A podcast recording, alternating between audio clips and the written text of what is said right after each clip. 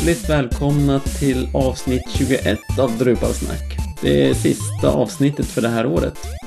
Vi ska prata om drift, driftlösningar för Drupal idag. De system som vi har erfarenhet av och de som vi har eh, kunnat hitta på nätet och som vi kanske kan få in lite eh, lyssnartips på om det är någon av er som har använt dem. Och med mig idag så har jag eh, Adam Evertsson Tjena, tjena, tjena! och Kristoffer Wiklund. Tjena! Och själv heter jag Fredrik Jonsson. Hur har de två senaste veckorna varit för er? Adam, har du gjort något roligt i Drupalvärlden? Ja, ehm, det får jag nog säga. Jag har haft ett eh, projekt eh, liggande sedan i våras som eh, jag äntligen har eh, tagit tag i och eh, börjat slutföra. Det har liksom det har varit så mycket annat här under hösten och, och sommaren också för den delen. Men eh, jag har, eh, jag ska försöka göra en blogg. Eh, där jag skriver lite mer och delar med mig av, av allt som har med Drupal att göra. Så att eh, den har jag lagt lite tid på de senaste två veckorna. Och eh, den börjar, börjar närma sig ett färdighetsstadium som, som eh, jag faktiskt kan släppa ifrån mig. Jag är lite perfektionist. Så att eh, det är mycket sådana här pill här och lite pixlar där och sånt. Så att, eh, Och vart går man om man vill titta på den? Eh, då går man faktiskt, jag är lite narcissistisk av mig i det här fallet, så att det blir adamevertsson.se som det ligger eh, en Drupal-sajt idag fast bara med en, en nod som man kan titta på. Eh, med lite Konami-code någonstans bakom där också för den som orkar bry sig om det. Men eh, den eh, ska tas ner här om några veckor och så ska den nya bloggen komma upp. Eh, så ska jag försöka samla allt. Jag har spritt ut mig väldigt mycket på olika håll och kanter så att det här blir liksom samlingsplatsen för allt det som jag har skrivit om, om eh, Drupal och lärt mig om Drupal. Så att eh, när, när väl allt grafiskt är klart då ska jag försöka hitta allt som jag har gjort de senaste tre åren här och försöka samla det också. Så att eh, det blir nästa grej. Men eh, inom förhoppningsvis inom ett par veckor. Så eh, vi kan få återkomma till det. Jag tänkte, hade ni inte en träff där nere i Göteborg också? Eh, jo, det hade vi. Vi var hos eh, Rabash för, eh, vad blir det, två veckor sedan ungefär. Så att, eh, jo, det har vi haft. Och det var otroligt trevligt. Eh, fick se lite eh, nyheter från Fabian och eh, Anders. Som tidigare jobbar på Wunderkraut. De är fortfarande i Drupalsvängen här nere fast på eh, olika bolag. Eh, Redbridge jobbar Anders Olsson på och eh, content jobbar Fabian på, eller han är delägare också. Och de har lite nyheter, eller de sitter och jobbar på ett nytt sätt att presentera teman, eller själva, själva temalagret. Eh, och det var lite intressant att se. Eh, det var mycket, de har blandat in Twig i det hela också, vilket eh, naturligtvis var trevligt att se eftersom jag precis då hade varit på eh, Drupal Camp i både Köpenhamn och Oslo. Så att det kom som grädde på moset där. Men det var, de hade lite intressanta tankar och det var rätt imponerande att se att de, de hade typ slängt ihop detta på eftermiddagen. Och bara några timmar senare så hade de en fungerande eh, betaversion, eller en version som de kunde visa upp och få att fungera. Så att, eh, ja, det är något att hålla koll på. Eh, tyvärr har jag glömt eh, vad de kallade det hela. Det kanske jag kan ta och leta upp. Men eh, ja, det kan vara kan intressant. lägga in det i show notesen. Det skulle vi kunna göra, precis. Så slipper vi sitta här och lyssna på när jag surfar runt och säger "Öh". Och du Kristoffer, vad har du pysslat med? Ja, ehm, vi eh, har jobbat lite grann med, vårt moderbolag där och utvecklat ett säljverktyg i Drupal. Så det har varit väldigt skoj att kunna se möjligheterna. Och sedan så hamnar man i att ja, men det är ju inte verktyget nu som är problemet. Det ska ju innehållsmatas nu. Och det ska ju eh, tittas över, vad är ett bra flöde och så. Så att eh, eh nu är det lite mer byråkrati och inte så mycket programmering.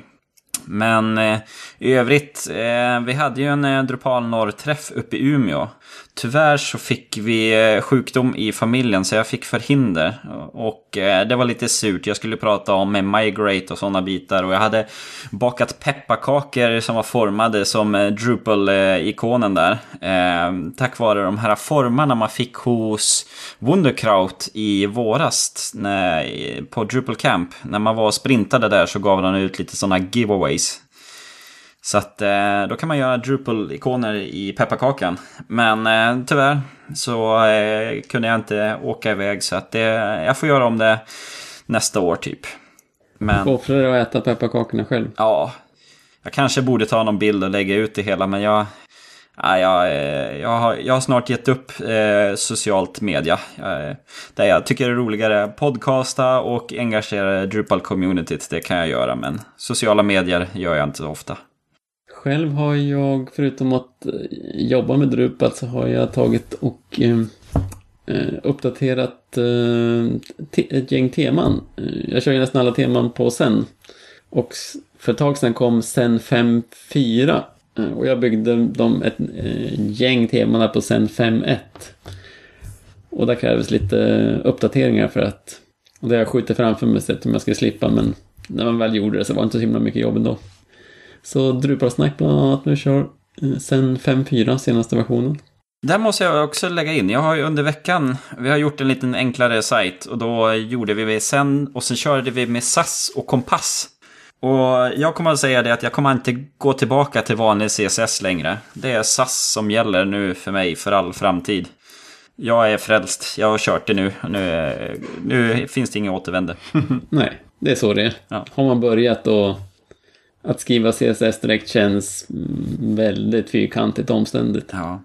Nej, vi, så här, just det här med att man kan eh, bygga trädad eh, CSS så att man kan göra som eh, struktur. Att man säger, ja men här har jag mitt menyblock och i den så har jag en nivå och sen så kan jag ha en annan nivå med länkar och så. Att man som bygger ihop det hela är ju jättebra. Och sen så kan man i de nivåerna lägga in lite media-taggar där som med eh, WID med, som får responsivt och det kan man göra mitt i de där eh, länkarna och sen se kompass till att kompilera det rätt så att det blir riktig CSS utav det hela. Ja, det är smidigt. Sånt och så gillar jag väldigt mycket att man kan lägga alla färger som variabler. Ja, eller storlekar och grejer. Och så har man då mörk bakgrund och ljus bakgrund och ja, vad man nu har för färger.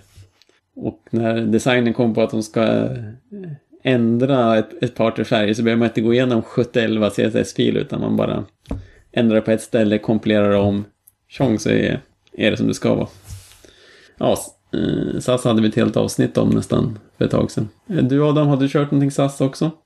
Eh, jag har tittat lite, eh, lite, lite grann på det. Men eh, vi kommer att, eller jag kommer att komma i kontakt mer och mer med det i och med att utvecklingsteamen på Coromera har anammat SAS och Kompass. Så att det blir ju att jag som sitter i, sista ledet tillsammans med min kollega på min avdelning, vi kommer ju att ta över det här också. Så att, jo det, det ligger i, i pipen så att säga. Att titta närmare på det. Och eh, det jag har sett och det de har visat upp är ju, verkar ju jättesmidigt. Så att eh, absolut. Kvällens eh, huvudtema, driftlösningar för Drupal. När man kommer upp lite i storlek på sina webbplatser eller överhuvudtaget när man vill göra någonting professionellt för kunder som faktiskt betalar pengar för sina webbplatser. Så ganska snabbt så ett, att ha ett webbhotell där man med FTP laddar upp filerna håller ju inte riktigt i längden. Eh, och då har vi eh, egen erfarenhet av ett antal olika system. Och så har vi ett par till som vi eh, har hittat som ser intressanta ut. Och som vi väldigt gärna vill få lite lyssnarreaktioner på om det är någon av er som har använt dem. Men vi börjar med det vi har kört. Och där vet jag att du Kristoffer, ni kör själva Agear. Ja, och jag tänkte också säga det att det är ju inte bara det att om man har eh, en stor kund så behöver man titta över sin driftmiljö. Men om man har flera sajter så kan det vara bra att titta över det hela. Och när vi startade upp webbsystem här i våras så eh, höll vi på att fundera då. För då var det ju, då börjar man på en ny kula och vad finns det för möjligheter? Och då började vi titta på Ager. Och eh, det, det är ett lite annorlunda tankesätt där. Eh, men de har löst mycket av det man själv känner att eh, det här borde man ha gjort. Eh, Eiger utgår ifrån att man har eh, multisajter. Eh, för i Drupal så kan man ju, du, när du installerar en Drupal så under sites så har du en katalog som heter All och en som heter Default. Och då lägger man ju oftast sin vanliga sajt under eh, Default-katalogen och sedan under All så lägger man sina moduler. Eh, Drupal har bra stöd för att istället för Default så skapar man en ny katalog med ett domännamn som eh, katalognamn. Och därunder lägger du files och du lägger in settings.pop. Och när du då eh, ställer upp eller ställer in Apache eller Nginx eh, mot samma vhost så att de går mot den koden, då kommer Drupal kolla upp om det finns en katalog som matchar eh, domännamnet som man surfar in på. Så det gör att man kan ha två kataloger. En som heter eh, till exempel eh, drupalsnacka.se och du kan ha en eh, drupalsnackb.se.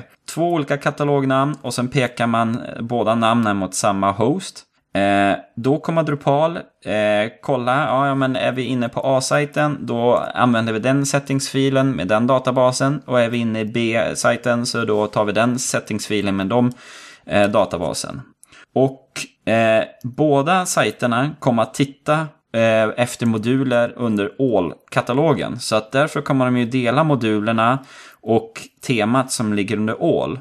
Eh, sen kan man under sin sajt, eh, eller sin katalog, där man har sin settings.pop, kan du skapa en katalog som heter Modules eller Themes, eh, där du kan lägga sitespecifika eh, moduler och sitespecifikt tema.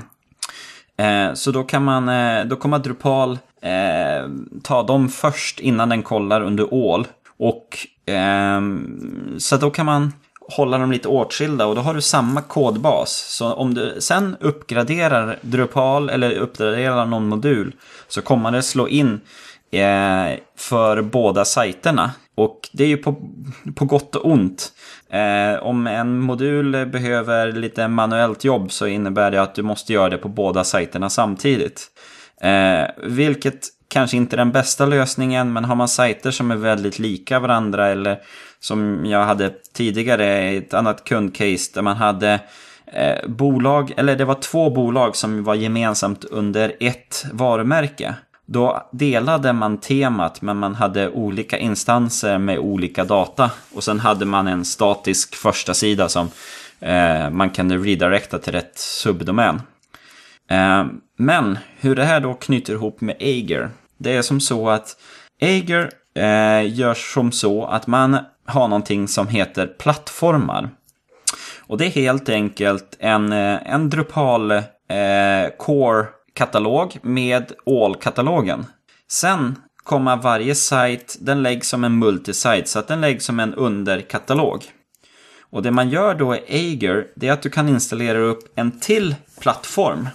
Så att om vi säger att vi nu har Drupal 7.23 som en plattform och den har jag eh, mina två sajter Drupalsnack A och Drupalsnack B ligger där.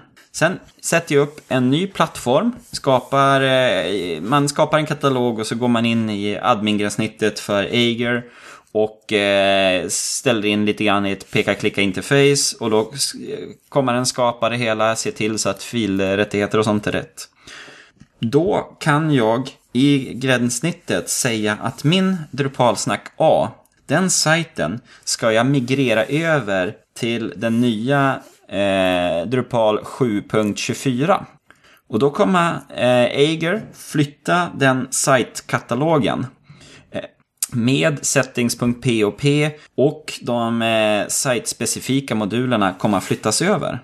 Och eh, det innebär ju att då eh, kan man också, man kan enkelt flytta över, du kan se eh, vilka versioner du kör och eh, du kan även eh, eh, lägga in i din plattform så kan du ju lägga in eh, standardmoduler som du vill ha. Eh, och du kan bara migrera över dem. Du kan också klona en sajt. och göra en, en kopia och göra tester på den eh, och se att ja, men kommande funkar. Du kan också ta den klonade sajten kan du testmigrera över till en ny plattform och se så att det funkar. Och eh, det fungerar, eh, fungerar väldigt bra. Det är, det är lite buggar här och där så att eh, man måste eh, man måste läsa lite grann hur det fungerar. Men jag har varit väldigt nöjd med det hela. Hänger ni med Adam och Fredrik? Hur det fungerar som? Mm. Ja, då. Ja. Då Hur måste, har du integrerat det med, eh, med Git? ja, jag måste ta det vidare här nu också. Ja. Det som är nu... Wait, there's more! Ja, därför att man har också konceptet med servrar. Så att i Eiger-gränssnittet kan man då lägga till, default är ju localhost. Men då kan man sen lägga till en annan server, så därför har vi vår produktionsserver har vi lagt in i Eiger-gränssnittet. Så då kan vi flytta en sajt från vår utvecklingsmaskin till skarp miljö. Och då kommer den flyttas över och hamna på produktionsservern. Och vi kan klona från produktionsservern till lokalt. Och eh, göra tester lokalt och se att det fungerar och sen kan man migrera det hela. Och stor fördel utav det här är ju att det är ju bara en uppsättning kod på serversidan. Eh, och om man inte kör olika plattformar, men oftast vill man ju i slutändan komma på, till en och samma plattform. Och eh, till din fråga där angående Git så blir ju det att man har ju eh, vi har en, ett Git-repro för själva plattformen. Där vi har lagt in eh, eh, senaste Drupal, standardmoduler och vi har några egna, eh, egna kodade moduler, lite features som vi har gjort. Till exempel eh, nyheter så att då har man en content type med lite listningar och sådana saker. Och den, det kör vi Git på. Och när vi gör eh, ändringar i det Git-reprot så kommer vi checka ut det som en ny plattform.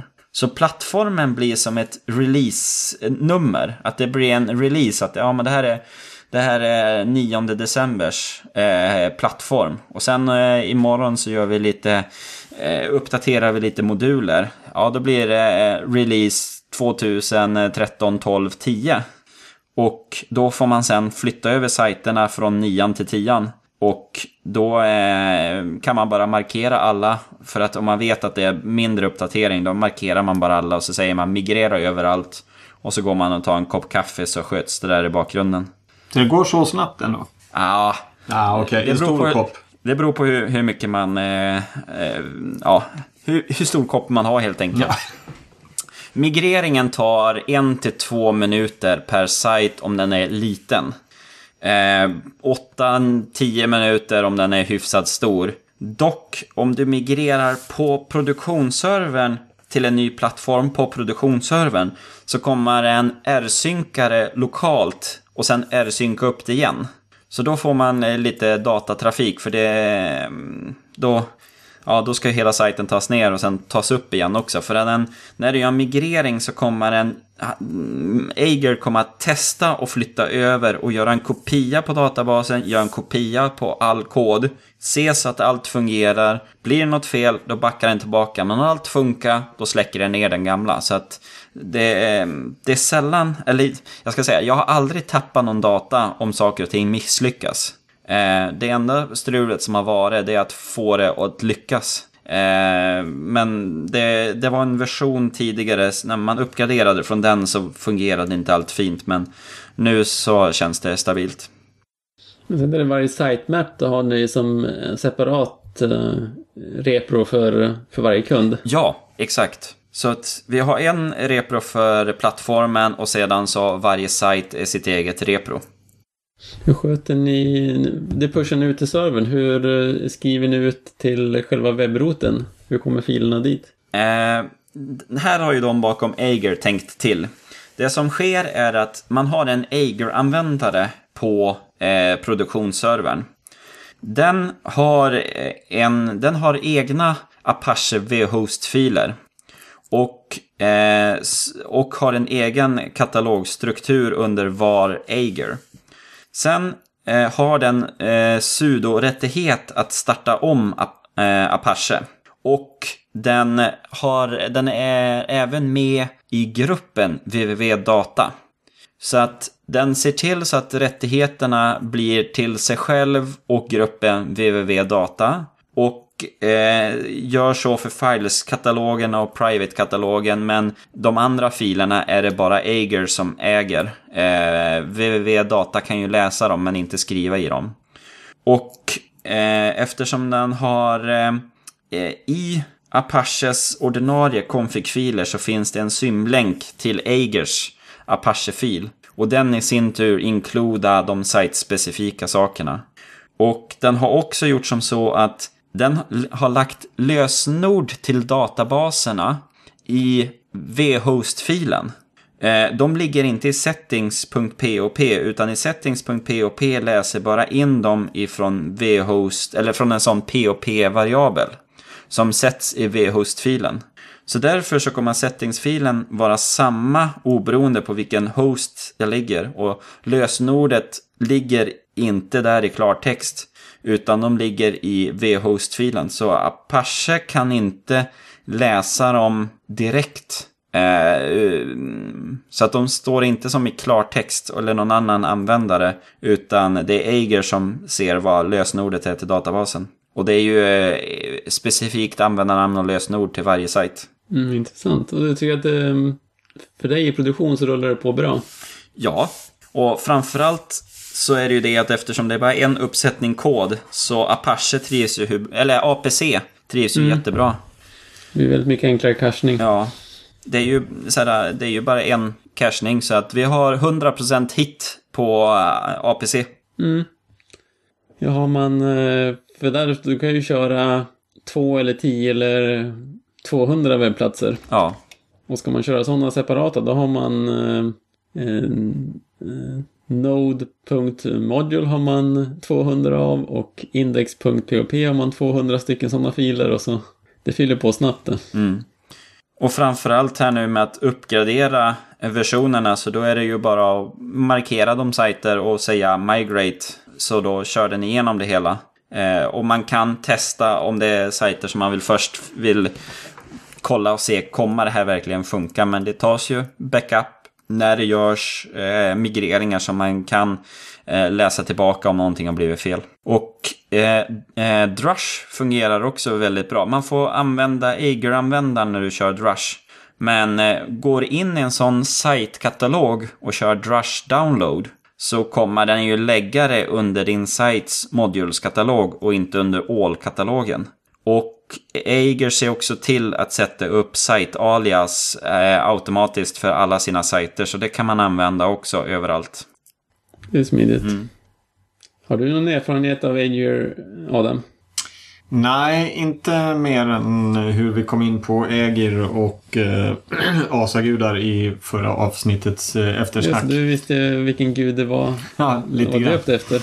Men äh, nej, tyvärr. Äh, det, det ligger väl i pipen att, att eh, titta på sånt här i framtiden när äh, växer sig större. Men eh, i dagsläget så har vi inget, inget sådant. I alla fall inte som jag har tittat på.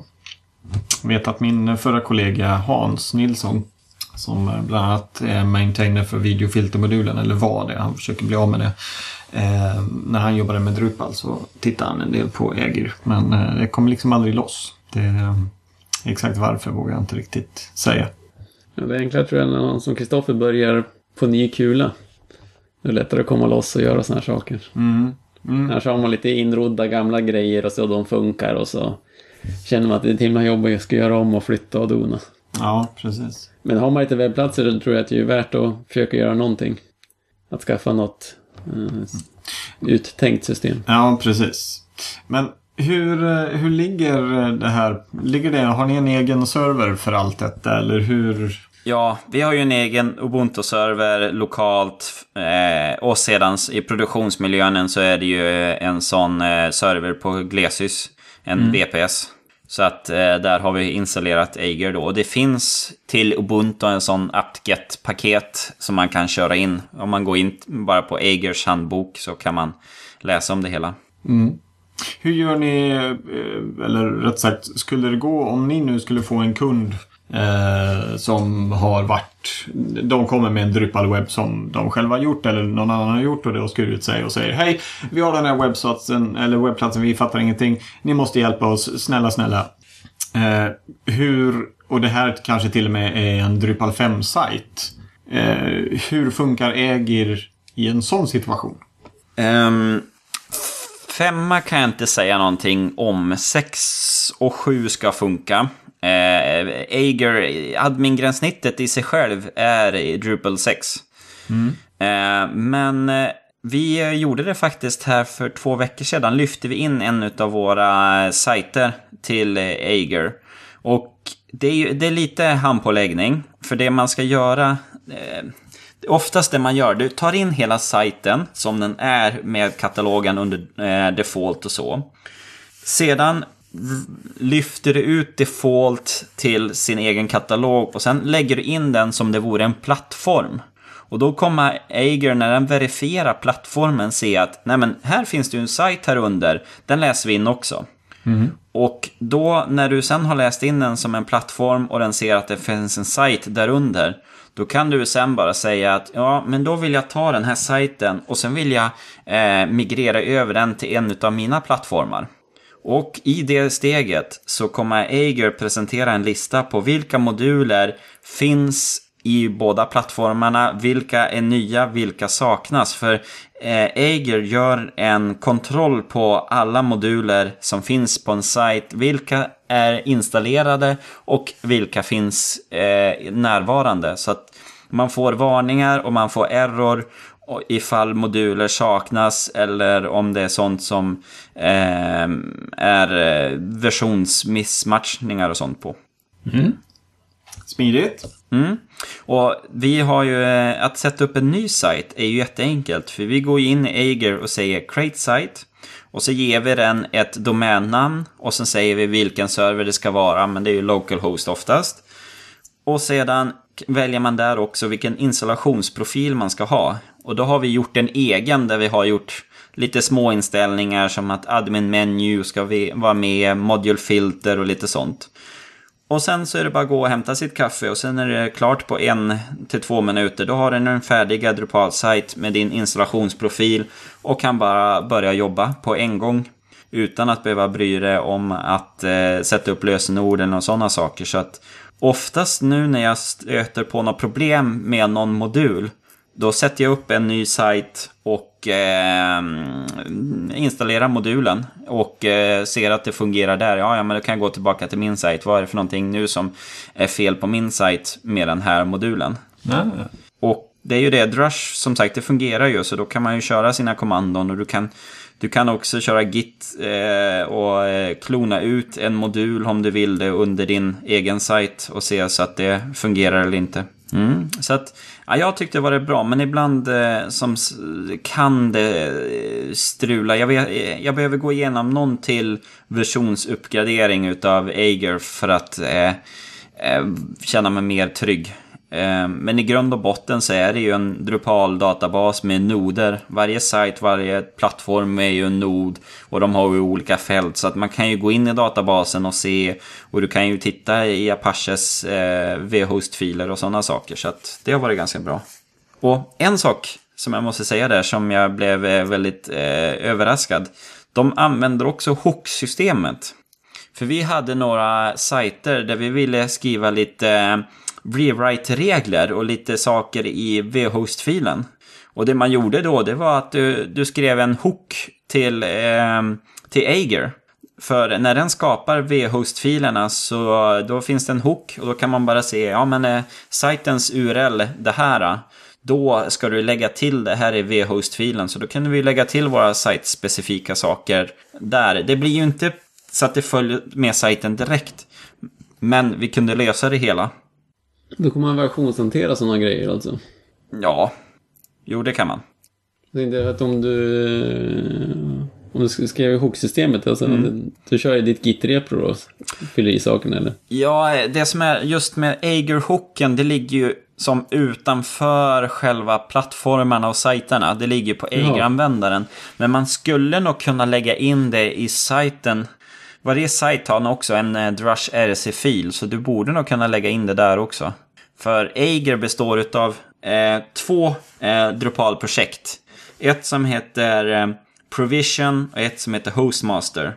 Där Hostmaster är själva gränssnittet och Provision är de här skripten för att jobba med serverdelarna. Så att eh, det är där man kan läsa på lite grann och se hur det funkar. Då kanske jag ska gå över till, eh, till Pension som är det är också en, en driftlösning, men där man köper en tjänst hos ett annat företag. I det här fallet heter de just eh, Pantheon. Har funnits med i Drupalvärlden ett bra tag. Jag har inte använt dem förrän nu det här året. Jag har en, en större kund som ligger hos dem. Har någon av er erfarenhet av Pantheon? Nej, tyvärr inte. Jag har ju hört talas om det, men jag har inte kommit i närheten av det.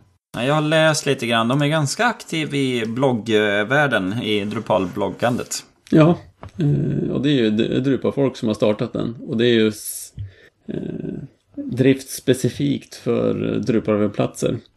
Eh, så att om man går till getpantheon.com pricing så kan man se att de har de har någon sandbox-variant där man kan få testa hur det funkar. Som är gratis. Men den är bara för att testa. Sen har de från eh, eh, vad det heter Personal Site som går från 25 dollar. Men då verkar inte... Man får nog, man får nog grunderna. Men de jag har testat är eh, lite större grejerna. Och det jag tycker verkligen blir intressant det är där de... Det, business, de är uppe i 400 dollar i månaden. Vad blir det svenska pengar? Det blir väl en 2 500 typ. Så det är ju lite pengar, men är man en lite större webbplats så är det ju i sammanhanget eh, ganska små, små pengar. För man behöver, man behöver, man får en server, man får eh, underhåll på servern, man får en eh, optimerad och man får hela sitt arbetsflöde. Det, eh, det bygger väldigt mycket på Git. Så att man eh, det tyckte jag var lite bökigt förut. Man måste ladda hem, de har en egen eh, Drupal-version som är några små core hackies. Man måste eh, börja med den och sen när man kör uppdateringarna så, så från eh, Drupal 7.23 till 7.24 så måste man vänta lite grann tills de är väldigt snabba. Det tar en 24 timmar ungefär så har de sin version uppdaterad ute. Så får man köra git-pull på den. Men man får automatiskt en utvecklingswebbplats, en eh, testwebbplats och en live eller produktionswebbplats. Och när man eh, pushar in kod till masterbranschen i grundutförandet så har du bara en enda bransch. Du kan eh, ha hur många branscher som, som, du vill när du kör lokalt men alla de här tre miljöerna kör bara masterbranschen. Så att så fort du pushar upp till masterbranschen så ligger du ute på, i dev-miljön. Där du kan eh Eh, testa och dona allting. Och i webbgränssnittet så kan du klona både filesmappen och databasen från både test och eh, live till dev. Bara några musklick i webbgränssnittet, mycket snyggt gjort. Och man kan också, när det kommer uppdateringar från, eh, eh från Pantheon själva så kan man eh, lägga till deras commit direkt i webbgränssnittet också. Mm. Och sen när man vill lägga ut det på test då går man in i webbgränssnittet och så, då står det vilka, vilka commits som finns på dev men som inte finns på test och så kan man eh, några musklick kan man klicka i att ja, de ska ut på test nu och kör update DB och, och clear cache är bara två kryssrutor. Eh, och sen nästa steg så kan man göra likadant och, eh, och köra ut det på, i, i live-miljön. Och den eh, har naturligtvis automatiska system för backup och sånt där så att man kan ju dels det automatiska backup varje timme eller varje dag. Och eh, ofta när man lägger ut på live så gör man ju en en backup då precis innan och blir det, blir det fel då så kan man ju bara snabbt gå tillbaka till den backupen. Allting i webbgränssnittet. Jag tror de kör eh, eh Engine X. Du har, eh, och det är Rick, ja, hyfsad prestanda. Helt okej. Okay. Eh, naturligtvis väldigt mycket bättre än man jämför med webbhotell och sånt. Och du har också både Redis med en sån här NoSQL-lösning som är inkluderad och du har Solar vilket är rätt trevligt. Så du mm, behöver inte hålla på och strula på med en egen Solar-implementation utan du kan bara eh, använda deras. Och du har naturligtvis eh, eh, Drashflow-terminal och hela det kittet. Det jag tyckte det var eh, lite bökigt var när man började trycka in en massa saker på, på dev och sen flyttade man över till test. Då kom man på att allting man la på test man kunde liksom inte bara flytta över några commits till live, utan det var ju som allting som är på test nu men inte på live, då kan man flytta över, men liksom inte allt eller inget. Och kommer det någon så här säkerhetsuppdatering då på view som man absolut vill trycka igenom, då blir det lite bökigt och då ligger som alla de andra ändringar man har gjort i vägen. Men då har de eh, i just det här businesspaketet som de kallas för multidev så kan man ha ett helt gäng sådana här dev-sajter Eh, jag minns det, fem eller tio eller något sånt där. Eh, och det är alltså, då kan man bara göra, man gör fem eller tio branscher och då blir varje bransch automatiskt en, en dev-site. Så då löste de det problemet. Yes. Eh, men det är inte lika flexibelt som att när man sköter sina egna branscher och kan exakt bestämma vilken bransch som är test och vilken som är produktion och sådär. Men när man för många som sitter i ett, ett webbgränssnitt så här och får en automatiskt Mm, väldigt optimerad server om man har backup och hela grejen. Det är, det är helt klart värt att, att spana in. Speciellt för att snabbt komma igång med någonting och sen kanske man eh, eventuellt då kan, om man märker att man stöter i taket lite grann, att flytta över till en egen server. Men jag skulle definitivt kunna tänka mig att ha mer projekt här. Man kommer snabbt igång och det fungerar bra. Och deras support är ruggigt snabb. Har man några problem så är det bara tjong säger man så har man svar. Så har man lite större projekt som ni, där man behöver ha en professionell miljö och kunna jobba flera utvecklare samtidigt och sånt. Och där det finns lite budget så rekommenderar att spana in dem. En liten miss kanske är att de, har, de kör väl Rackspace-servrar som ligger i USA så att från Sverige så är väl pingtiderna eh, något sämre. Men har man en liten internationell webbplats så är det kanske snarare så att man inte vill ha den i, i Sverige kanske utan man vill ha den lite mer utåt närmare en större publik. Förstod ni lite grann hur det funkade? Eller blödde jag bara? Ja, eh, har du tittat någonting på Acquias system? För eh, det, ju, det, känns som att det är väldigt likt. Ja, det är en direkt konkurrent. Mm. Absolut. Eh, jag har inte använt det själva. De, de är mer flexibla när det gäller att man kan, det vet jag, hur man lägger upp sin, sin branschsystem och vilken bransch som ska motsvara vilken miljö och sånt. Men jag tror också att det är um, Pension är nog Eh, mer lättanvänt om man är eh, lite mindre erfaren. Väldigt snabbjobbat. Jag tror uh, tar lite bättre betalt också. Men deras tjänst är ju en direkt konkurrent och um, det ska vara intressant att höra om någon som har använt den. Så att har ni, har ni kört eh, Aquia Dev Cloud eller Aquia Cloud eller vad det heter så lämna gärna en, en kommentar hos oss så får vi höra hur, hur det fungerar, vad ni tycker. Ja, men det är in intressant. Det, det, är ju alltid bra att kunna vigda sina vyer och se ja, men hur andra löst det hela. Har de hittat någon bra lösning på ens problem och hur fungerar det? Um, så att, Tror du att du själv skulle flytta över dina egna sajter till eh, Pantheon eller vill du fortsätta med egen server, Fredrik? För mina egna grejer så kör jag på, på min egen server. Där jag, jag kan anpassa precis som jag vill. Men jämfört med att ha någon kund som har någon liten vem som helst-server eller ett webbhotell och där man som inte riktigt vet vad det är och vem ansvarar för det och det är någon gammal version av CentOS. Man förstår inte på hur man ska installera saker. Och man kanske är orolig att börja installera saker man egentligen behöver för att man... Eh, det är ingen som riktigt vet hur, eh, hur servern är uppsatt eller sånt. Jämfört med det så är det ju en gudabenådad att köra på Pantheon. För där Drupal fungerar bra på Pantheon, punkt. Sen finns det begränsningar och sådär, men man vet i alla fall att det fungerar. Det tycker jag är väldigt jobbigt med kunder som insisterar på att ligga på ställen som ja, det, är, det är bara strul. Men min egen server är ingen strul men så där är det himla skönt att ligga. Och ni Adam, ni, eh, ni hostar allt själva? Nej, vi, vi gör faktiskt inte det. Vi har ju ett tätt samarbete med Orderland i, nere i Kungsbacka. Eh, och eh, så att vi, de, de flesta hamnar ju där. Där vi har lite serverlösningar och sånt. Men, eh, men vi hostar inget själva.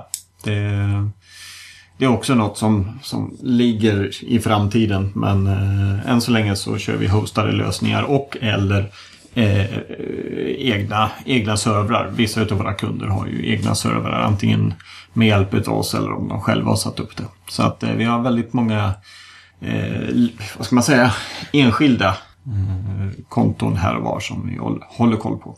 Och det, det funkar ju, men eh, det är klart att när man ser att det finns smidigare lösningar till höger och vänster så, så vill man ju gärna dit. Men, eh, men det, det är inget som man bara slänger upp sådär över en helg.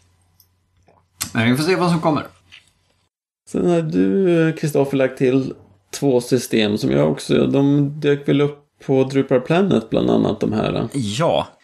Eh, jag har inte alls testat dem själv, men jag har läst lite grann om dem. Vi kan börja här med DSLM. Det är en bloggpost här som just nämner det hela och eh, ger lite, eh, lite videos om det hela. DSLM eh, handlar om Drupal Symlink, Simlink Manager. Det är Drush-kommando där man eh, ser till så att core och moduler och så eh, symlänkas in. Eh, och man, lite grann som Agers plattformstänk. Att eh, man har olika core-versioner med olika profiler. Och en sajt kan då ligga under dem. Och det här görs via Drush och det är symlänkar så att man är helt fri med databas och Apache. Ehm, um, har som sagt inte testat det hela. Uh, men det finns ju en del som just tänker på det hela. Um, nästa är, är liknande, den heter dbuild.py. Så det är lite Python-skript här. Um, och uh, det ligger på uh, GitHub. Um, lite grann, lite grann uh, på samma sätt. Men där utgår man ifrån JSON-filer. Så varje sajt innehåller en, um, ska man säga, en settingsfil där den beskriver vilket projekt den ligger under och vilka profiler den har. Så att eh, ehm, Ja, jag är intresserad av sådana saker så titta på det hela. Eh, Ager är ju ett stort del som kräver att du har en egen, egen server och Ager vill ha en egen användare. Eh, de här är lite enklare och kan nog göra minst lika bra arbete. Ehm, så vi lägger mer om i show notesen så kan ni få läsa mer om dem. Mm. Den här DSLM, jag är väldigt intresserad av att höra om det är någon som har använt. Den tilltalar mig. Ska jag själv kunna tänka mig att testa och använda. Mm, våra kommentarsfält står ju öppna så att eh, är det någon där ute som har erfarenhet så eh, hör av er. Hjälp Fredrik att få lite mer info eller mer feedback på just DSLM.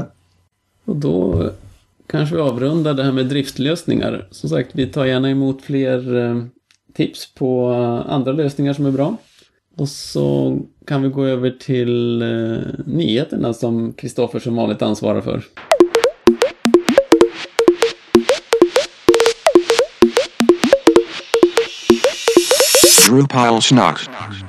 Ja, först och främst så eh, har det kommit upp lite eh, Drupal-arbete som, eh, eller tjänster som eh, finns lediga som man kan söka. Den ena är i Helsingborg. Är Torn reklambyrå. Som söker POP Drupal-utvecklare. Stod inget bäst före datum på den ansökan här. Men vi lägger en notis om det. Och sen är det Lund som har lagt ut tre stycken tjänster. Eh, en POP Drupal-utvecklare, en ren eh, Drupal-utvecklare och sen en Lead Developer. Um, vi lägger med en länk om det hela. Um, så söker du arbete, kan lite Drupal så finns det jobb för dig. Det, det är bara att hålla sig i framkanten och uh, um, söka sådana här jobb så kan det bli ditt.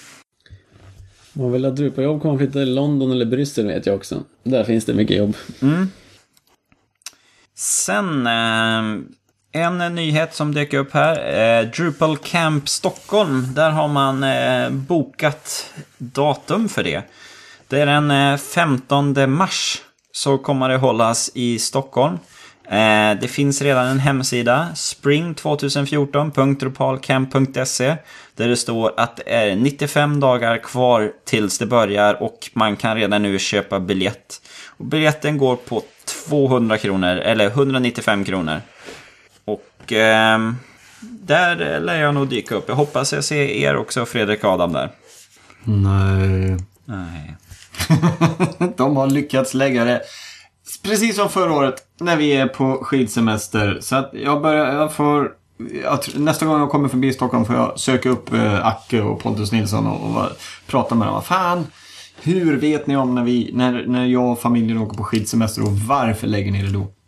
Nej, det kan man ju skoja om. Men tyvärr, jag missar både Webcoast som är en stor knytkonferens här nere i Göteborg och jag missar Drupal Camp Stockholm. Eh, för vi ska till grannlandet Norge och, och bryta benen i, i backarna. Nej, så ska jag inte säga. Man ska inte jinxa sig. Eh, vi ska ut och, och åka skidor. Så att tyvärr, tyvärr. Ja, ja. Men då får vi gå vidare med lite Drupal 8. Det tror jag du kommer eh, träffa in eller så. Ja, lite större chans att, träffa Drupal 8, ja. Ja. Eh, Dries släppte ett bloggpost där han eh, skriver om nästa stegen i Drupal 8. Och där, är man, eh, där han pratar om att nästa steg nu börjar bli en beta.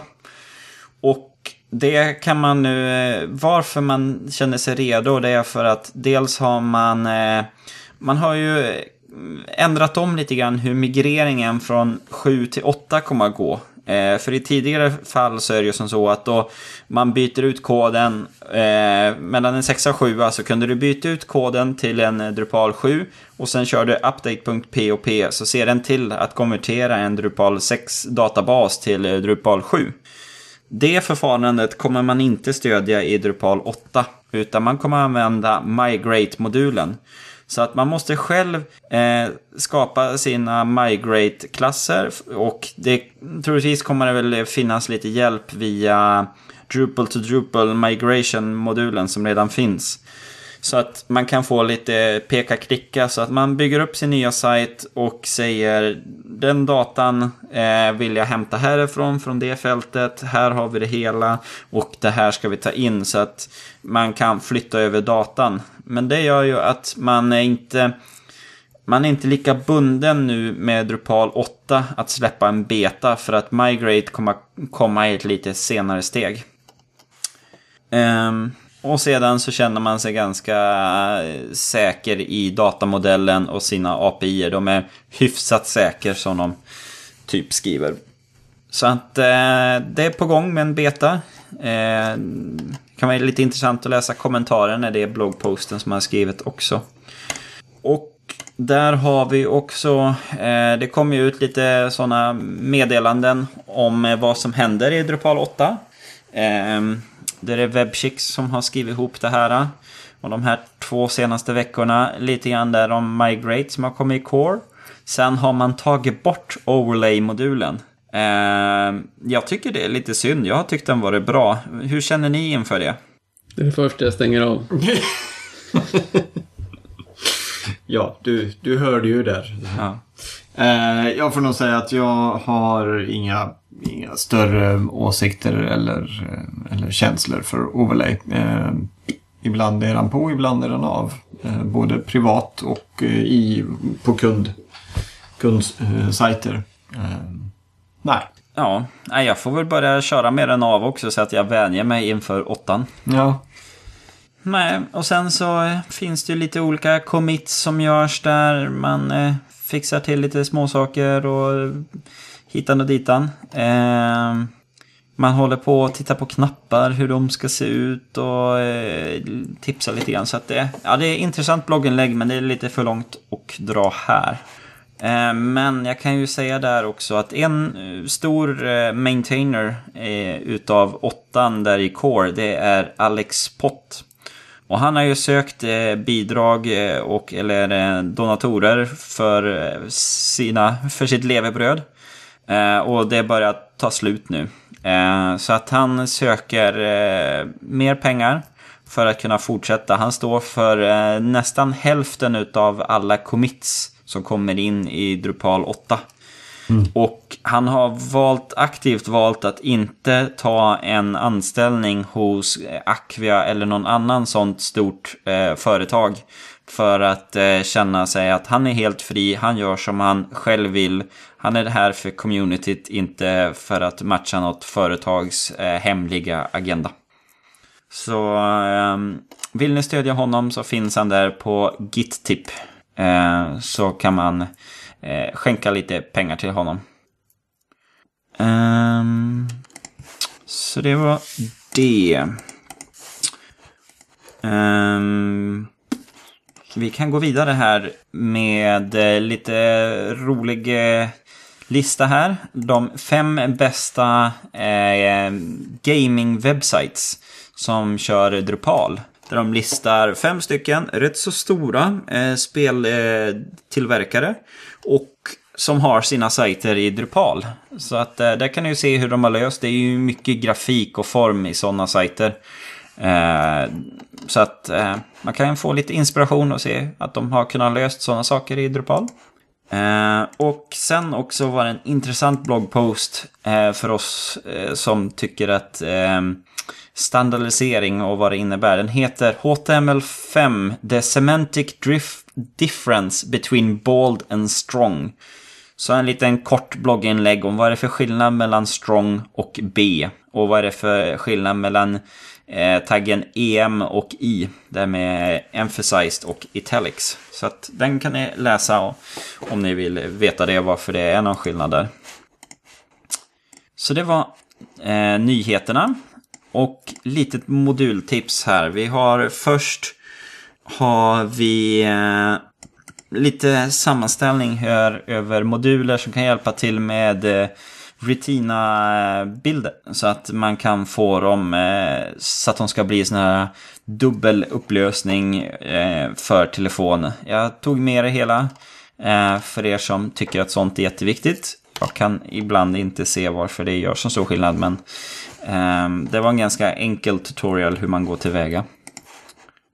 Och sen eh, har jag här en ganska bra sammanställning över four, Four Social Sharing Modules for Drupal.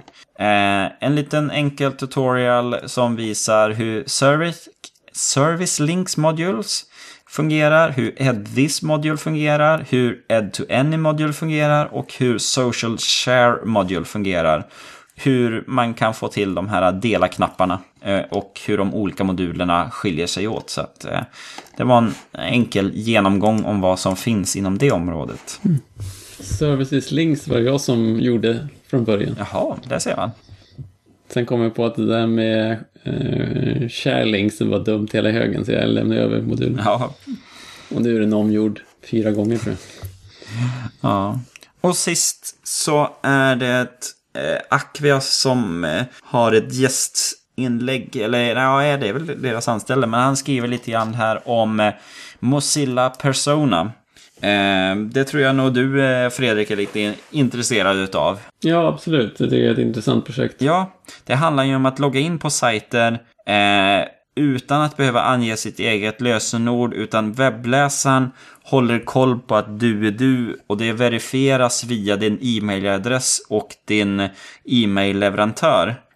Där e-mailleverantören inte kan veta vilka sajter du loggar in på Eh, men sajtägaren kan veta att det är verkligen du som står bakom den här e-mailadressen tack vare din webbläsare.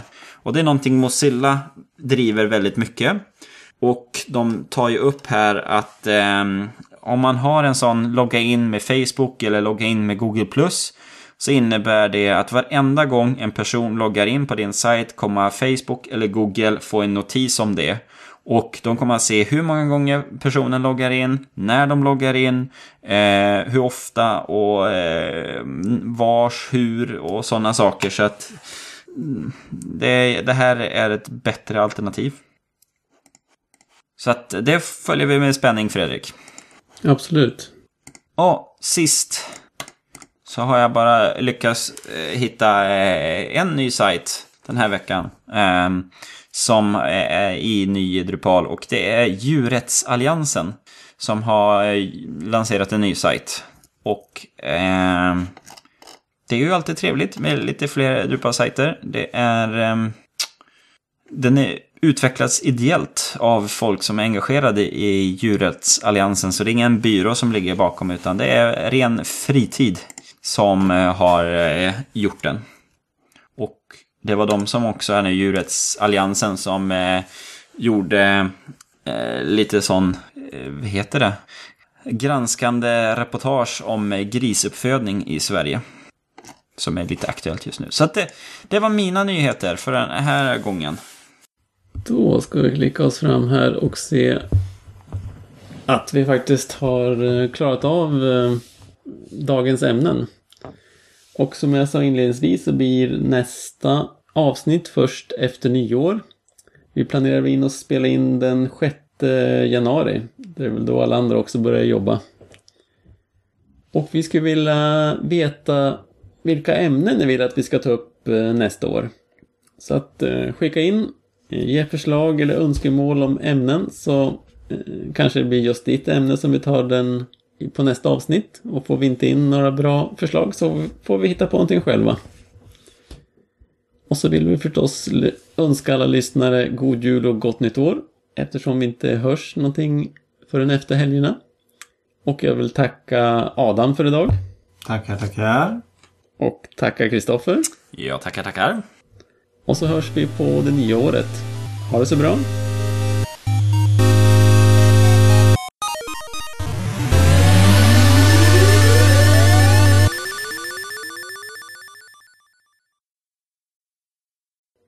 Har vi kört intro och sånt här nu? Eller heter det extro eller vad heter det när det är slut? Ja. Outro. Outro, ja just det, det är så det heter. Ja, ja det hade jag nog kallat det. Men ja. kärt barn har mm. många namn.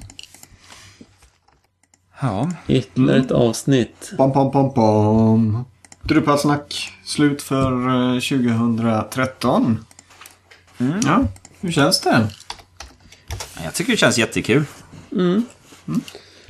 Vi behöver lägga på lite på våra programförslag. Det behöver bli lite tunt i listan nu. Ja. Vi får hoppas att vi får in lite, mm. lite uh, tips här ifrån våra lyssnare. Hör ni det nu? Ni, ni som har stannat kvar här som verkligen vill lyssna på våra underbara röster. Skicka in våra eller, tips till oss vad vi ska prata om. Det är... Men less på våra röster skicka in tips på intervjuer. Jag tror, jag, jag, tror vi borde ha en dröse med nya intervjuer. Det känns som det är dags för det. Mm. det vi kan väl säga att om, om vi inte får in en massa tips där så börjar vi intervjua varandra istället. Så hör ni mer utav Kristoffer, Fredrik och mig, Adam. Och det, det känns som att ni vill ha lite andra intervjuer. Så att, eh, kom in med tips. Kom in med, med intervjutips också för den delen. Eh, tack vare Skype och, och vad heter det här? Eh, som, som det rullar på internet. internet så, eh, så är det ju lätt att, att snacka med folk liksom var som helst i Sverige. Det, det, behövs ju bara en internetuppkoppling så att eh, vi kan i stort sett prata med i stort sett vem som helst faktiskt. Till och med folk från andra länder. Kanske inte danskarna, men eh, ja. Ja, jag lyckades ju ändå. Men... Ja, fast du valde ändå engelska. Jag tycker det är lite... Ja. ja. Det var trevligt, det var intressant men... Ja, hade du gjort det på engelska och snackat med Mårten, eller på, på danska med Mårten, då hade du... Ja, då hade du fått en gratis lunch nästa gång vi ses. Ja. Komma ihåg det till, till Stockholm Drupal Camp där. Ja. Han kommer säkert att vara där. Ja, jag ska försöka. Men det är ganska kul ändå när vi, om man tänker efter lite grann på året, att vi har ju ändå fått in intervju med, med Dries och med Mårten DK där och... Mm. Ehm... Hans och Tor därifrån Drupal Camp Oslo. Ja.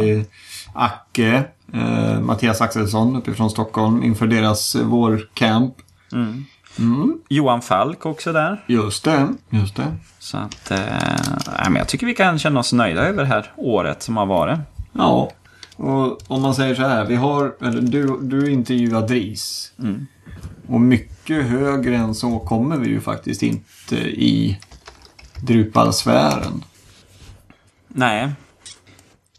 Så nu måste vi få in två personer i samma intervju. Dries och någon annan. Ah, Ja, jo, eller, Så ska man nog inte tänka. eller att Dries talar om oss. Ja, ja där har vi det. Wow, där har vi något intressant.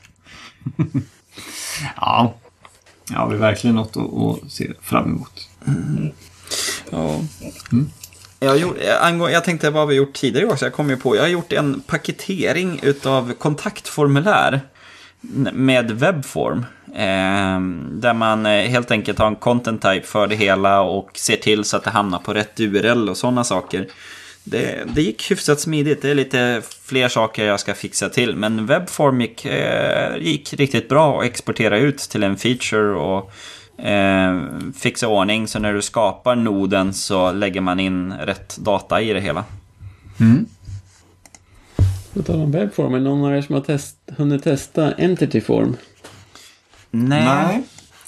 Jag upptäckte det faktiskt först i, i fredags, måste det varit. Ja, förra helgen här. Vi satt och pratade om formulär. Då var det en kollega som slängde fram det på bordet. Så att eh, jag hade faktiskt missat, missat det.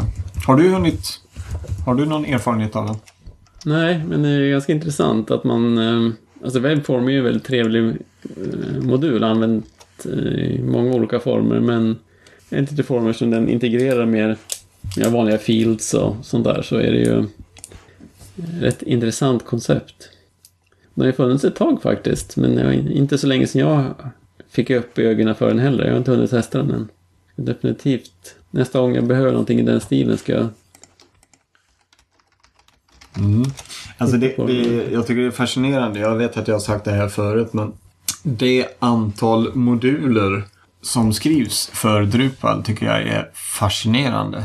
Ehm, jag har, eh, nu vet jag, jag tror att, att eh, eller, sen de gjorde om Drupal.org och gick över till Drupal 7 så eh, har jag tappat bort ett RSS-flöde just för nya moduler. Men innan dess så kom det alltså mellan 10 och 20, 20 moduler varje vecka.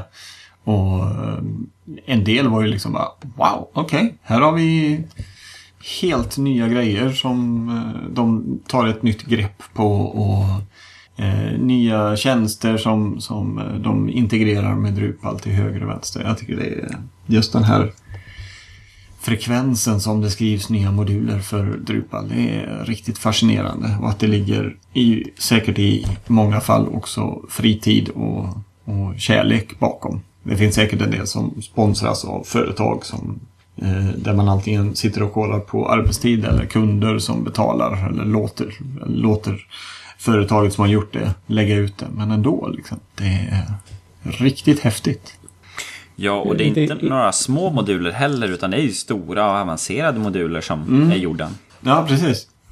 Det är intressant också att det verkar finnas en del webbtjänster som så här, nyhetsbrevtjänster och sånt som, om jag förstår saken rätt, själva verkar uh, bitvis bygga Drupal-moduler för att man ser det som, ja det är ju rent marknadsekonomiskt, men om vi kan integrera med Drupal så får vi fler kunder. Precis, precis. Det är ju rätt intressant att man blir så pass stort. Ja, jag gick in på eh, Discus här när jag aktiverade den modulen för min, eh, för min blogg då, eller webbplats som jag sitter och pysslar med. Ehm, Så, så var det mycket riktigt där. Liksom. Ja, du vill aktivera, då behöver du ett eget, eh, ett eget handle för just den här webbplatsen. Och eh, vad sitter du på för system? Uh, jo, uh, Drupal. Bra, du gör det så här, så här, så här, så här. så här. Okej, tack. Det visste jag visserligen, men tack ändå liksom. Det. Så där har vi en av alla, alla tjänster som, som förbereder för Drupal. Är det nu jag ska passa på att att rätta mig angående eh, Sleipner? Förra Ja. veckan. Det vi, ja, där måste vi, jag får ju krypa till korset här. Eller jag, jag får prata allvar med min eh, åttaåriga dotter här som lär mig fel. Det var ju i förra eftersnack där så, så berättade jag att det var en jätte som satte på Loke. Eh, när Loke hade klätt ut sig till en häst eller till ett sto. Eh, men det var ju inte riktigt så. Det, eh, Mm, det lät ju jättebra historia. Ja, visst var det. Men det var ju faktiskt inte en jätte som, eh, som spände på Loke i form av ett sto, utan det var ju jättens häst, jättens hingst, som eh, skapade ett föl tillsammans med Loke Eh, som då är en eh, eh halvgud, en halv asagud. Så att visst, det är fortfarande en förbaskat bra historia där Loke sen då får föla det här fölet som blir en åtta, åttabenad häst som orden eh, får. Men, eh, men bara så att vi i, ni kan sudda bort den här bilden av en jätte och en häst. Eh, utan fortfarande en, två hästar varav en är visserligen mycket större mm. än den andra. Men eh, så, eh, rätt ska vara rätt och eh, ifall det är någon där ute som eh, som har asatron som sin första religion så jag om ursäkt. Det, men nu har vi korrigerat detta och eh, jag har pratat med min dotter Eh, som visserligen hävdar att jag har fel, men, men eh, enligt Wikipedia så, så var det så här. Dotter mot Wikipedia. Ja, och hon har ju trumf liksom. Nej, min lärare har sagt så här och bara, ja, ja. Det, det är din lärare och hon, jag förstår. Ja, pappa är inte värt någonting i det här fallet. Pappa, pappa är inte lärare, så pappa vet inte. Så, så får det vara. För hennes skull så var det en jätte för alla andras skull så var det jättens hingst. Mm. Har ni sysslat någonting med eh, Domains-modulen? Alltså där du har en eh, en Drupalplats med massa, eh, massa domäner och, och pryttla ut eh, rätt innehåll till eh, rätt domäner.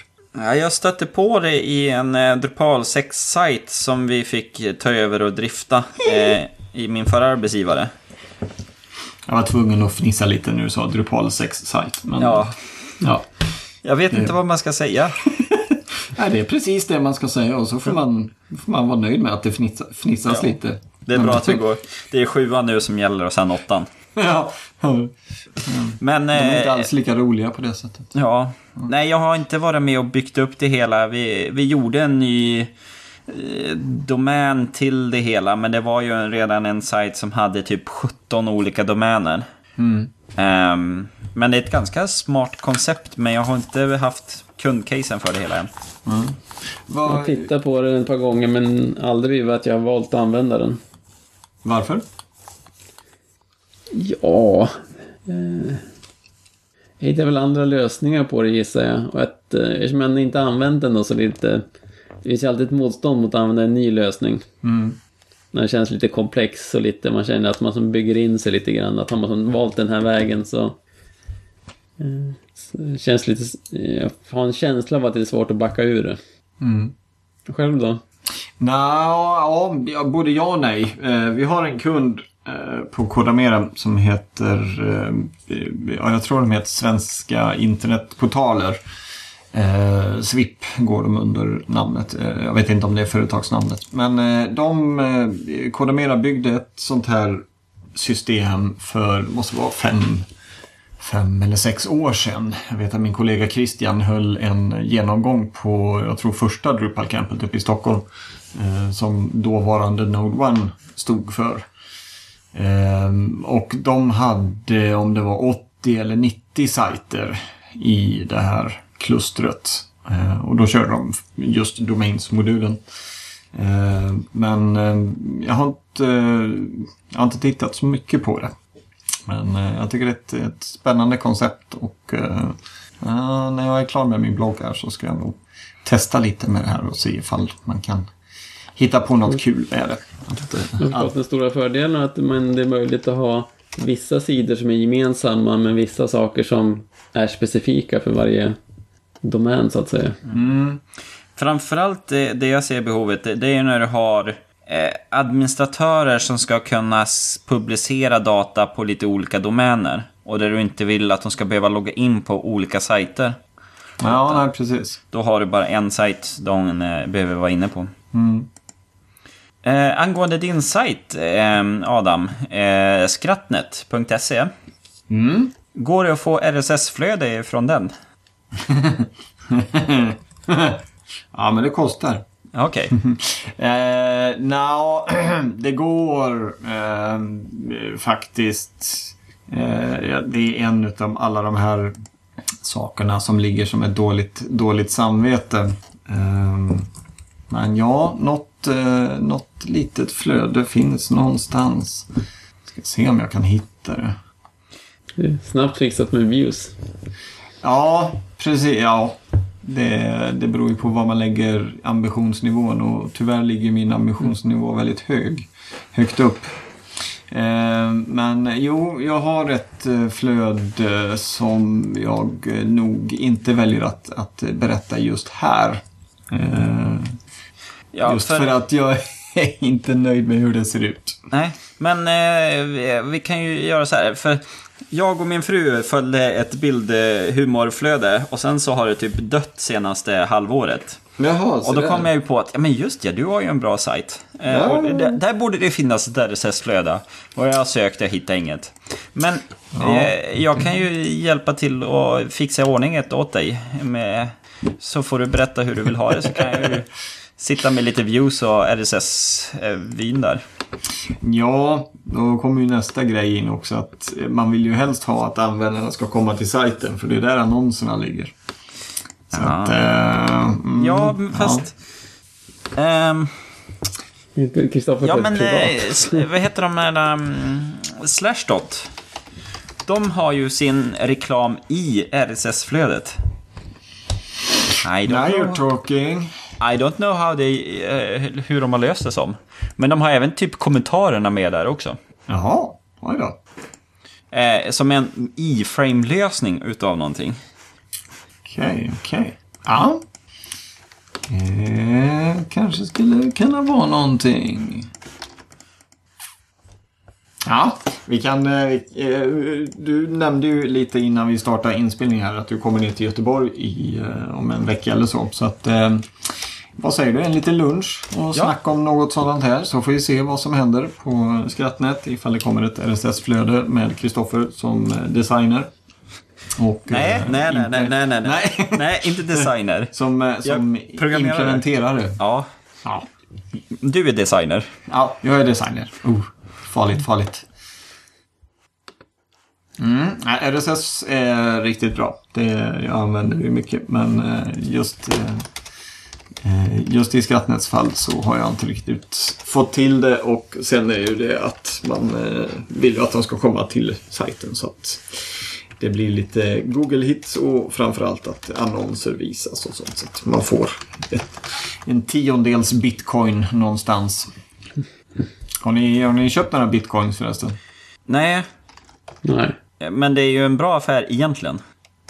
Ja, nu har den ju störtdykt två gånger den här veckan tror jag. Eller den senaste veckan. Så att, eh, Mm. Den sist jag hörde så var det tusen någonting. Var det en... Men sen Kina drog ju åt bromsarna på den. Kanske var det då den dök.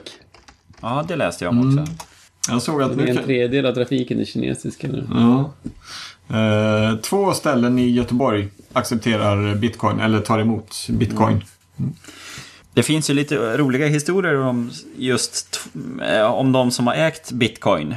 Eh, Den sorgliga var ju han i USA som slängde en hårddisk med typ 5000 bitcoins. Så det är typ, det var ju värt över mm, miljon kronor. Nej, det Ja. var väl typ, ja det var mycket pengar. Nej, flera miljoner var det. Ja. Ja. Sen var det ju han i Norge som skrev en uppsats för fem år om bitcoin. Och nu när det började komma på tal igen så hittade han ju fram det hela. Så att han hade ju 5,4 miljoner i bitcoins. Ja. Så han sålde bort en miljon och köpte en lägenhet. Ja, helt okej. Ja, Jag ska ha sålt rummet på en gång. Lita inte på att deras värde kommer att hålla. Nej.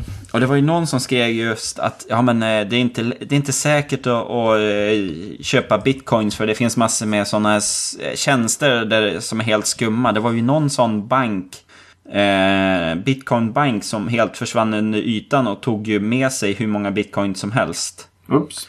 Och det är ju så här, ja, men det kan ju en riktig bank göra också. Vad Ja. heter det här eh, värdetransportföretaget? Pandex, eller vad heter de?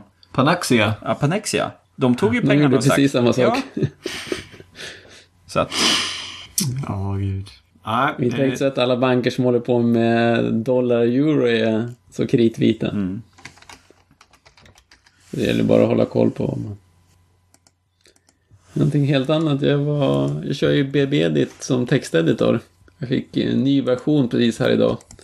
Det är ju så mycket program. eh, Apple är ju riktiga syndare på det här när det gäller release notes. Att det står liksom Updated some bugs. Dot. Ja. Men, eh, eller också ser de ut som de är skrivna av någon marknadsföringsavdelning eller något sånt där. Men eh, BB, det, deras eh, release notes, eh, det ser, står faktiskt vad de har gjort. Och det är verkligen en, eh, en människa som har skrivit dem. Så i senaste versionen så finns det den här, står att Application startup performance has been significantly improved. Anyone who has complained that BB Edit is slow to launch is going to have to find something else to complain about. Den stilen är det på allihop. Ja. Och så är det en lista som är liksom, eh, ja vad är det, 50-60 saker de har fixat i en 10.5.6 release. Mm. Men, Ja, lite kul med, eller när de, när man märker att det ligger något personligt bakom. ja. Jag De fixar hittade, saker som eh, ja, verkligen... Allting från alltså att den varit långsam att starta upp. Nu startar man ju kanske upp den var, var tredje månad men... Eh, för att man visar aldrig någon orsak att stänga av den. Den kraschar ju aldrig. Eh, men eh, det finns allting från stora saker till pyttesmå saker som kanske, ja, kanske tänker man att det påverkar typ 10 användare kanske. Men det ska fixas det också. apropå release notes, jag fick en rätt skön bild eh, tillskickad till mig häromdagen. Eh, just på Skrattnet. Eh, nu hade jag faktiskt den liggande redan men den är fortfarande riktigt bra. Eh, det gäller eh, vad heter det, programmet CodeKit. Är det något ni använder? Nej. Eh, de saluför sig som vi Mac app for web developers. Eh, jag har själv inte använt det men, men jag känner till det. Men i alla fall, de, när de släppte sin eh, version 1.3.1 så hade de som release notes det här.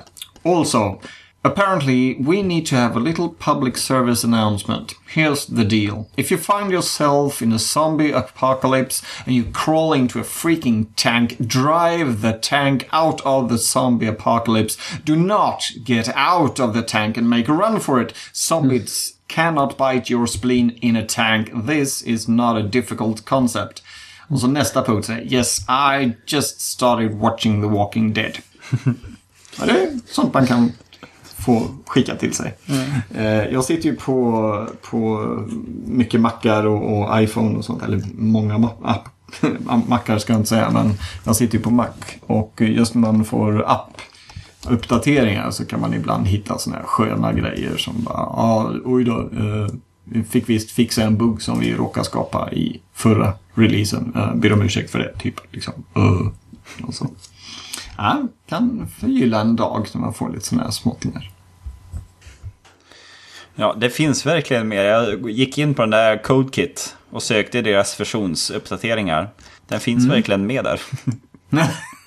Fortfarande. Ja, lite kul. Mm. Julen står för dörren. Några stora planer. Kommer, kommer tomten? Har ni varit snälla? Ja då.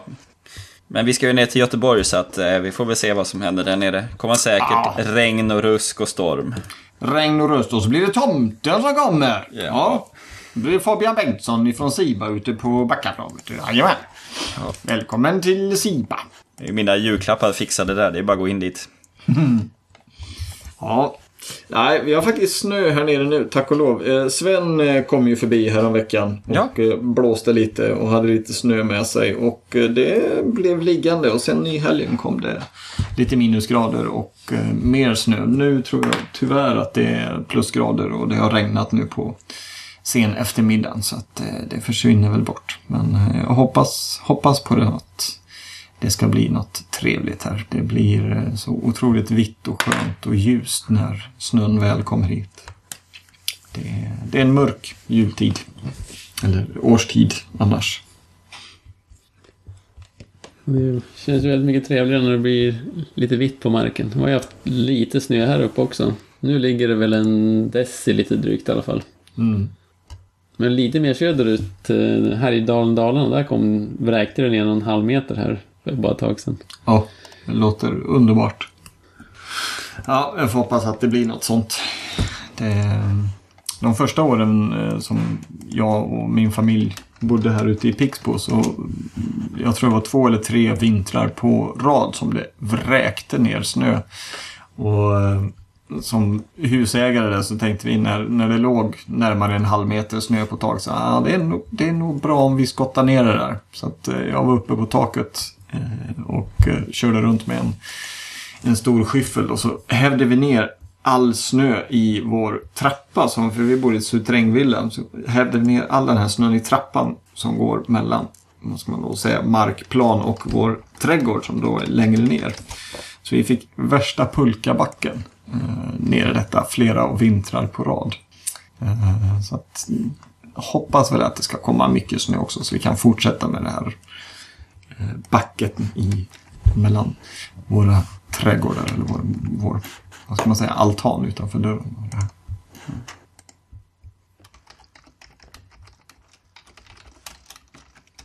Mm.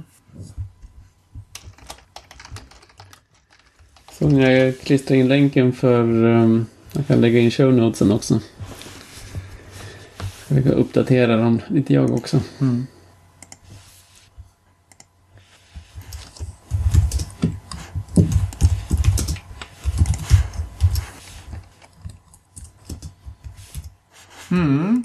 Vi börjar klocka in på en och en halv timme. Ja. Vad säger ni? Ska vi kalla det natt och uh, gå vidare med lite andra grejer? ja, det börjar väl bli dags för det va? Mm. Eh, får tacka för det här året. Ja, Det har varit en, en härlig resa. 20, 20 program för, för mig, 21 för er. Mm. Vi har ett helt nytt år med eh, podcastande framför oss. ja. Någon som har sett på någon statistik på sista tiden? För oss eller? Ja. jo, jag var inne här nu lite grann. Vi ligger ju runt 60 lyssnande per avsnitt nu ungefär. Mm. Ehm, Alla lyssnar ju inte på en vecka utan det kommer in några stycken där efteråt. Det skulle vara intressant att veta hur många det är som lyssnade på extra materialet men det får vi väl se om det är någon som har hört av sig. Och fråga varför är den så lång igen för? Ja.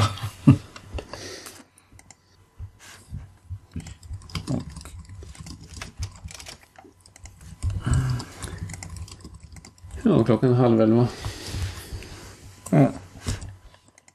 Mm. Tack för idag gubbar. Ha en eh, riktigt eh, trevlig jul och en riktigt trevlig nyår. Och eh, för er som sitter kvar och lyssnar så tack så mycket för det här året. Hoppas att ni har eh, haft en trevlig resa med oss. Och eh, ha en riktigt trevlig jul och nyår också. Så ses vi på andra sidan eh, årsskiftet. Vi gör så. Ha det så bra. Ha det gott! Samma. Mm. Hej. Hej.